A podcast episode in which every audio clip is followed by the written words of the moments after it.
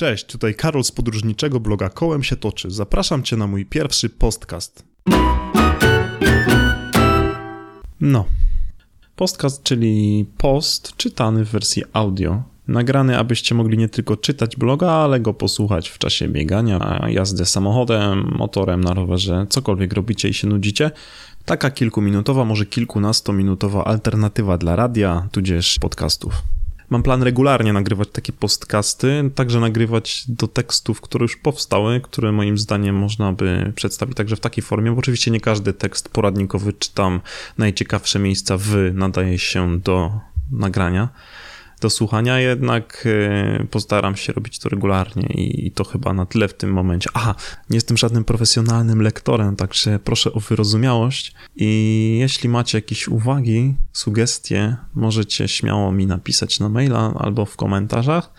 Jeśli macie także jakieś pochwały, może wam się spodobało, także możecie napisać. A co? Tymczasem zapraszam do tekstu z Irlandii, e, do tekstu o Belfaście. Belfast, wczesny ranek. Idę w górę zamieszkałej przez ludność probrytyjską Shankill Road, jednej z głównych, nie tak dawno najniebezpieczniejszych ulic miasta. Jestem zupełnie sam, jest cisza i spokój, szukam murali. Dopiero po 15 minutach spotykam pierwszą osobę. Starszy mężczyzna, widząc aparat w moim ręku, prędko podbiega i mówi coś, jakby sugerując kierunek, w którym powinienem się udać, aby zrobić dobre zdjęcia. Zdjęcia murali, rzecz jasna, murali upamiętniających probrytyjskie ofiary kłopotów. Dłuższą chwilę zastanawiam się, jakiego to mnie angielskiego uczono w szkole. Przecież tyle lat nauki, tyle wyjazdów za sobą, a ja stoję naprzeciwko najpewniej Brytyjczyka i poza kilkoma wyrazami niewiele zrozumiałem. Dopytuję, proszę o powtórzenie. Czy dałoby się wolniej, bez akcentu może?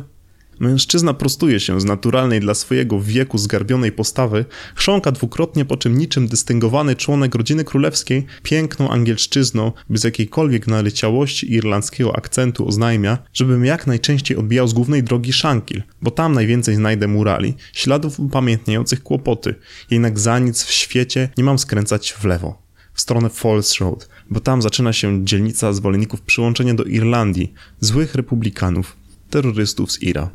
Don't you dare to go there. Nothing interesting. Nie waż się tam iść. Nic ciekawego, oznajmia, po czym znika za rogiem.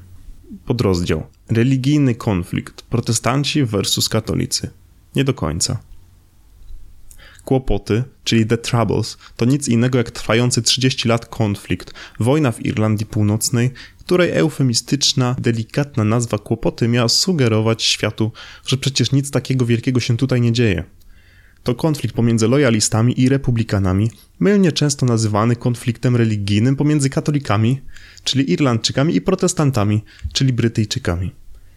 Owszem, większość lojalistów, czyli Brytyjczyków, jest protestantami, a większość republikanów katolikami, jednak to nie religia była tutaj głównym powodem, tłem konfliktu. Religia umiejętnie, jak zwykle w przypadku większości światowych konfliktów, została wplątana w kłopoty Użyto jej do zaognienia konfliktu, zmobilizowania ludności do działania, jednak to aspekty terytorialne, społeczne miały tutaj największe znaczenie, nie zaś kto w co wierzy. Pomysłodawcą nazwania trwającego kilkadziesiąt lat konfliktu, który pochłonął kilka tysięcy ofiar kłopotami, była oczywiście strona brytyjska. Celem było pokazanie wojny domowej w Irlandii Północnej w jak najbardziej zbagatelizowany, zdeprecjonowany sposób, aby za nic w świecie nie przyznać się, że dzieje się tutaj coś poważnego. Bo jaka byłaby to ujma na honorze Wielkiej Brytanii, aktualnego i ówczesnego orędownika pokoju, kraju, który wysyła swoje wojska na misje pokojowe? Nie w smak byłoby im nazywanie przez opinię publiczną jakiś tam zamieszek w niepokornej Irlandii Północnej konfliktem, albo nawet wojną. Cóż za wstyd byłby to dla takiego imperium, dla kraju o ogólnoświatowych zapędach, który nie może poradzić sobie z poważnym konfliktem na swojej ziemi. Podrozdział Historia muralami pisana. Nawet jeśli ktoś w ogóle nie jest poinformowany w sytuacji polityczno-społecznej Irlandii Północnej, przyjeżdżając do Belfastu z pewnością poczuje, że coś tutaj jest nie tak, że atmosfera gęsta, że nie jest to typowe miasto europejskie. Szybko człowiek zdaje sobie sprawę, że nic tu nie jest jednoznaczne, oczywiste, wyraźnie czarno-białe. Idąc tak w górę Shankill Road czy później Falls Road, w oczy rzucają się liczne ogrody pamięci, tablice upamiętniające ataki, krzyże nazywane makowymi, a także ciągnące się zarówno wzdłuż ulic, jak i pochowane na osiedlach murale, to upamiętniające ofiary kłopotów, to informujące jednoznacznie, która strona konfliktu rządzi w danej okolicy, na danym osiedlu czy nawet małej drodze.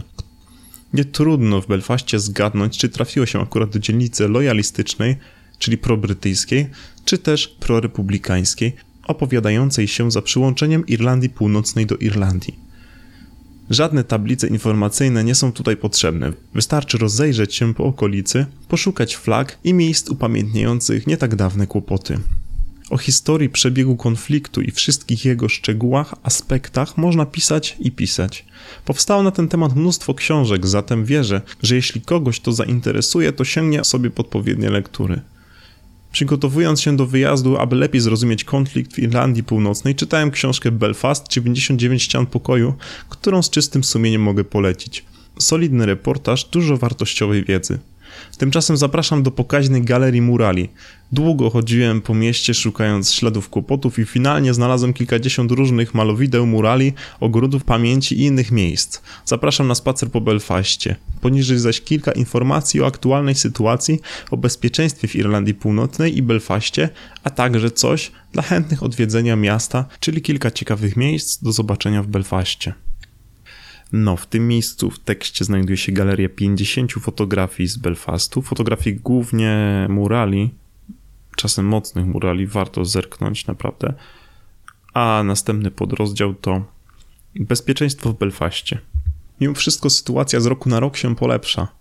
Na terenie Belfastu działa mnóstwo organizacji wdrażających edukacyjne projekty, których celem jest zajmowanie czasu młodym, uczenie ich o tolerancji, pokazywanie, że można inaczej spędzać czas niż na rzucaniu kamieni. Pracują liczne organizacje rządowe, pozarządowe, a także osoby prywatne nazywane community workers. Są to prospołecznie działający wolontariusze, często mający przeszłość także kryminalną, związaną bezpośrednio z wydarzeniami podczas kłopotów, tym samym cieszące się największym posłuchem wśród zbuntowanej, żonnej adrenaliny młodzieży. Projekty te odnoszą sukcesy. Notuje się coraz mniej incydentów i mimo, że 70% osób żyjących w interfejsach czyli na pograniczu dzielnic, dalej jest za tym, aby mury istniały, a bramy były zamknięte na noc, coraz więcej osób mówi o likwidacji barier w mieście. Mówi, a nawet robi. Niektóre bramy otwarte są już całą dobę.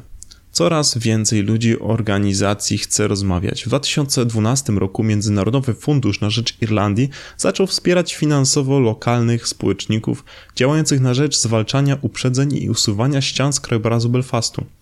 Sytuacja do tego stopnia się polepszyła, że rządzący zarówno lojaliści, jak i republikanie w 2013 roku oznajmili, że jeśli dalej tak skutecznie będzie prowadzona edukacja społeczna, konsultacje i prace na rzecz pojednania, to do 2023 roku w mieście nie będzie już murów. I to nie jest przypuszczenie, to oficjalne założenie, plan numer jeden na najbliższe lata. Podrozdział ciekawe miejsca w Belfaście, co jeszcze warto zobaczyć. Jednych ciekawi historia, reportaż i mam nadzieję, że jakoś ten głód zaspokoiłem, innych zaś interesować będą informacje praktyczne o mieście, a także ciekawe miejsca, które warto zobaczyć. Największe zagęszczenie murali znajduje się wzdłuż ulic Shankill i Falls. To już wiemy. Jednak co jeszcze jest ciekawego w tym industrialnym, wydawałoby się nieciekawym mieście portowym?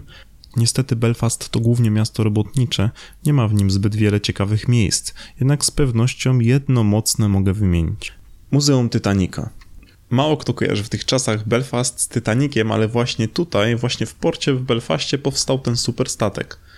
Do dziś nad stocznią górują dwie wysokie, żółte suwnice, które służyły do budowy Titanica, suwnica Samson i Goliath.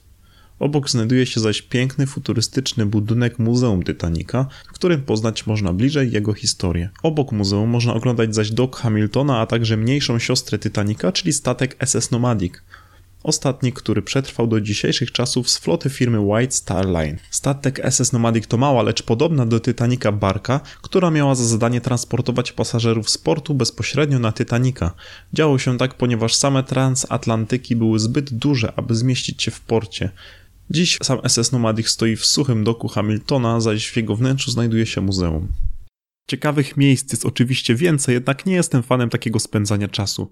Jakby ktoś był zainteresowany, odwiedzić można tutaj jeszcze Muzeum Alsteru, które akurat bardzo chciałem zobaczyć, ale zabrakło mi czasu, a także ogród botaniczny, więzienie Crumlin, zamek w Belfaście albo zoo. Poza tym do głowy przychodzi mi jeszcze pewien zegar. W północnym Belfaście na Queen's Square znajduje się mały Big Ben. Jego nazwa jest oczywiście inna, Albert Memorial Clock, jednak nie sposób oprzeć się jego podobieństwu do większego Bena z Londynu. No i ten w Belfaście znacznie odstaje od pionu, na tyle, że widać to gołym okiem. No i to by było na tyle, jeśli chodzi o Belfast. Jeśli masz jakieś pytania, możesz pisać śmiało w komentarzach, możesz pisać do mnie maila. I bardzo Ci dziękuję, że dotarłeś do końca, dotar dotarłeś lub dotarłaś. Jest to pierwszy mój podcast. Myślę, że mogę tak to nazwać, bo nie jest to normalny podcast i że będzie ich więcej. A jeśli masz jakieś uwagi, to też śmiało możesz pisać w komentarzach. Wiadomo, każdy feedback jest, jest bardzo, bardzo pożądany. No i to chyba na tyle. Dzięki wielkie jeszcze raz. Na bloga zapraszam, do tekstów zapraszam. Możesz tam podesłać komuś, nie musisz, jak chcesz. Nie ma obowiązku. Także miłego i do następnego. Cześć.